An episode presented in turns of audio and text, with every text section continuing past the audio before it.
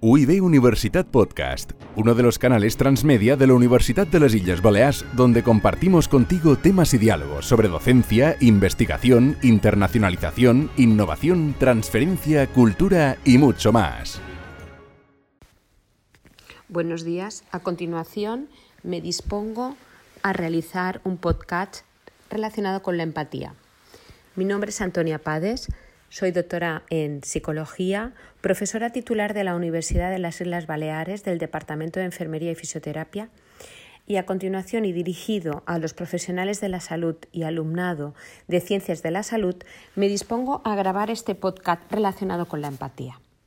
La empatía es un término que, bueno, que comúnmente se ha utilizado y se está utilizando en exceso a veces eh, se confunde empatía con simpatía y me gustaría en este podcast hacer una revisión de lo que es la empatía y cómo ser empáticos desde el punto de vista emocional. Cuando hablamos de empatía, tenemos que decir que es un proceso, es un proceso complejo, que tiene una parte cognitiva y una parte afectiva. Cuando hablamos de la parte cognitiva es querer ponerme en el lugar del otro.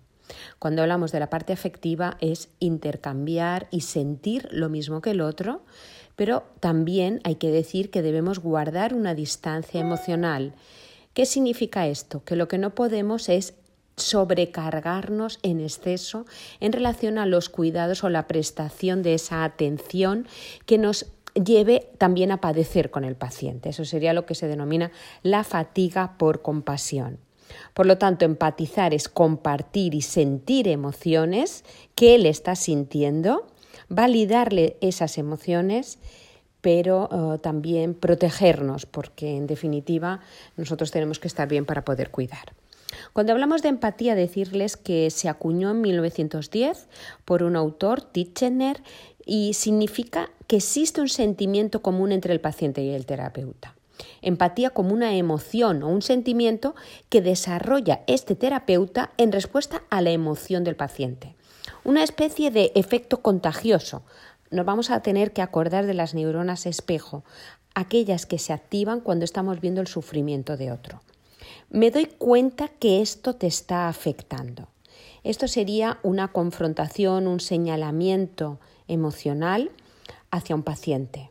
Se puede hacer también no verbalmente, un silencio, una expresión facial congruente con lo que nos está diciendo en este momento y que en definitiva la otra persona nota que sentimos empatía por él.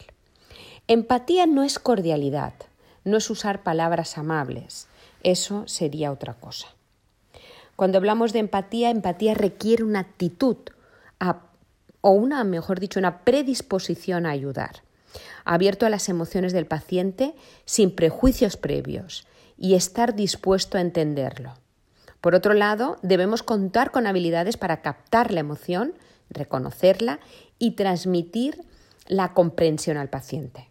Conocer, comprender e identificar las emociones.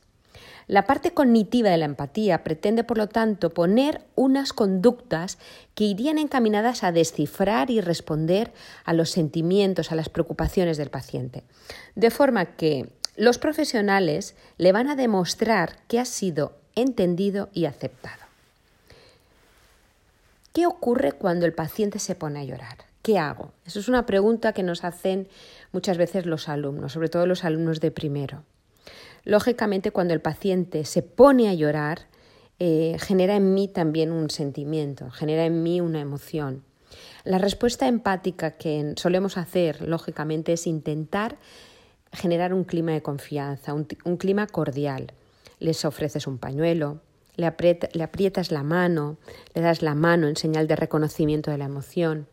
A nivel verbal, podemos ir acompañándole de frases o partículas verbales como me doy cuenta de lo duro que es esto para usted, asentimientos de cabeza. Pensad que la comunicación verbal y la no verbal van a mitigar esas emociones negativas. La comunicación verbal es menos potente que la comunicación no verbal, de tal forma que en situaciones de incongruencia la comunicación no verbal va a recobrar un papel sumamente importante. Debemos recordar que una enfermedad conlleva emociones como la ira, la rabia, la ansiedad, la tristeza, el miedo y el aislamiento. Emociones que podríamos denominar emociones negativas. Las tenemos que contemplar sobre todo para ser empáticos con nuestros pacientes. La empatía se puede educar. Así nos lo dicen autores como Branch en el año 2020 y también se puede aprender ya nos lo decía Davis, 1990, o la, la Mónica y colaboradores en 1987 también.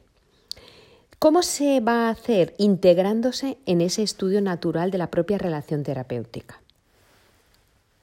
Para poder ser empáticos, Einstein en el año 1998 nos decía que muchas veces los médicos o las enfermeras no quieren explorar emociones para no abrir la caja de Pandora. Cuando el sentimiento aflora, eso genera un desafío, un desafío en el profesional. Debemos poder mitigar también esa emoción negativa que nos puede acarrear ese enfrentamiento y ese afrontamiento hacia esos sentimientos negativos de los demás. La conducta empática puede hacerse, lógicamente, y se requiere también un proceso con unas fases. El proceso para ser empático, entonces, sigue eh, de la siguiente forma. En relación a la primera fase, debemos darnos cuenta del momento afectivo. El paciente a veces no puede expresar a nivel verbal, pero tenemos que señalar y identificar muy bien cuáles son las conductas no verbales que afloran. Tratar de entender y apreciar la existencia de la emoción, nombrar la emoción y confirmarla, siempre confirmarla. Comunicar al paciente que estamos comprendiendo esa emoción, ofrecerle ayuda, ofrecerle apoyo al paciente. Por otro lado, debemos captar el momento afectivo. La observación va a ser fundamental, favoreciendo y saber captar esa emoción con una serie de claves propias de las habilidades comunicativas y habilidades sociales. Entre ellas, una de eh, que es bastante común es realizar reflejo. Reflejo como un espejo.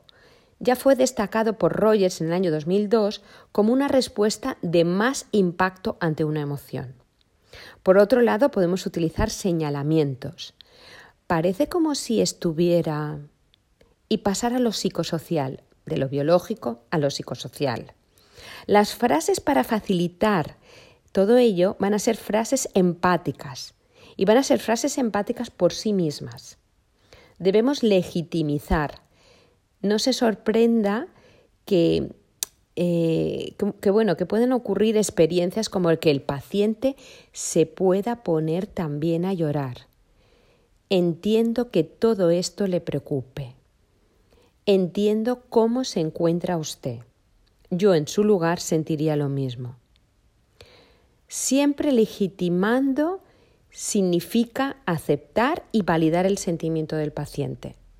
En relación al respeto, básicamente usted está llevando muy bien el problema. Estamos denotando aquí respeto hacia el paciente. Otro en su lugar no se mostraría tan entero. Aceptamos su emoción, la normalizamos y resaltamos lo valioso que nos parece su comportamiento. Decirles también que debemos esforzarnos lógicamente para entender la emoción. Para esforzarnos, para entender la emoción, expresiones para confirmar puede ser, como hemos visto, tanto la parafrasear como hacer reflejo, como hacer señalamiento. Expresiones para facilitar la expresión emocional podían ser del tipo me gustaría que me explicase mejor cómo se siente.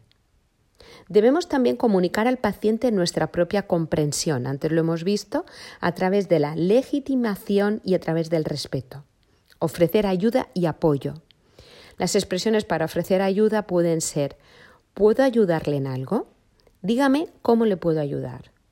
Expresiones para ofrecer colaboración, vamos a ver que pueden, pueden eh, ser del tipo Vamos a ver qué podemos hacer entre los dos.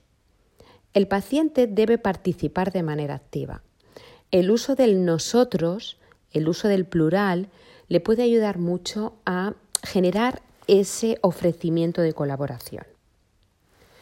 no debemos olvidar siempre de verificar a nivel verbal el estado emocional del paciente. Tenemos además que adoptar una habilidad autoperceptiva. ¿Cómo me encuentro yo ante esta situación? Hay diferentes fases en ese encuentro terapéutico, en esa relación terapéutica. Vamos a imaginarnos el recibimiento. Debemos preparar el encuentro. ¿Cómo? A través de nuestras habilidades sociales básicas. Prepararnos nosotros mismos. Calibrarnos nosotros mismos a nivel emocional. ¿Qué le trae por aquí? ¿En qué le puedo ayudar? ¿Qué puedo hacer por usted? ¿Cómo está usted? Saludar, contacto físico, contacto visual facial, llamarle por su nombre. El nombre sabemos que nos otorga identidad personal. Es un buen reforzador social. Eh, hay autores como Karl Rudekem en año 1992 que definía la empatía también como una empatía corporal, donde el saludo, el contacto físico, el visual facial y llamar por su nombre al paciente, igual que la sonrisa, podrían abrirnos puertas. En ese recibimiento, por lo tanto, tenemos que acomodar, tenemos que clarificar bien papeles, reconocer la apertura del paciente, quiénes somos nosotros, quién es él. Tenemos que también eh, ya lo decía Balint en el año 1986, este, establecer una complicidad del anonimato, siempre guardando la confidencialidad de la información, ese secreto eh, de esa información que para el paciente va a ser muy valiosa. Una pregunta abierta, evitar interrumpir, explorar otros posibles motivos de consulta y no dar, por supuesto, ese motivo de consulta. Conductas habitualmente usadas también durante mm, e, ese proceso serían todas esas conductas comunicativas, verbales y no verbales, que acompañan cualquier acto mm, terapéutico, ya sea desde la comunicación verbal como desde la comunicación no verbal. El uso de la mirada va a ser esencial, el uso de la sonrisa, nuestra postura corporal, nuestra distancia, nuestro acercamiento hacia él. En relación a las conductas habitualmente usadas en los cierres, cuando el encuentro ya se va a ir cerrando, vamos a avisar sobre el posible cierre. Tengo dos minutos para usted. Eh, voy a hacer un resumen de la sesión. Voy a puntualizar objetivos. Preguntar al paciente si tiene otros temas a trabajar o a tratar, si tiene algo que añadir, animar y apoyar al paciente, clarificar muy bien el plan de actuación, planificar lógicamente futuras consultas. Importantísima la responsabilidad y la toma de precauciones. Conectar con el paciente a veces no resulta fácil. Significa compenetrarse, igualarse con él, estar en su misma onda. Algunas compañeras mías eh, comentábamos que es como bailar, bailar un baile con el paciente en el que el paciente y la familia ponen la música. Las actitudes y las habilidades van a ser esenciales para esa conexión con el paciente. Espero haber contribuido a desarrollar en todos ustedes esa conducta empática tan necesaria para poder ofrecer cuidados a los pacientes como ellos se merecen. Muchas gracias por su atención. UIB Universitat Podcast, uno de los canales transmedia de la Universidad de las Islas Baleares, donde compartimos contigo temas y diálogos sobre docencia, investigación, internacionalización, innovación, transferencia, cultura y mucho más.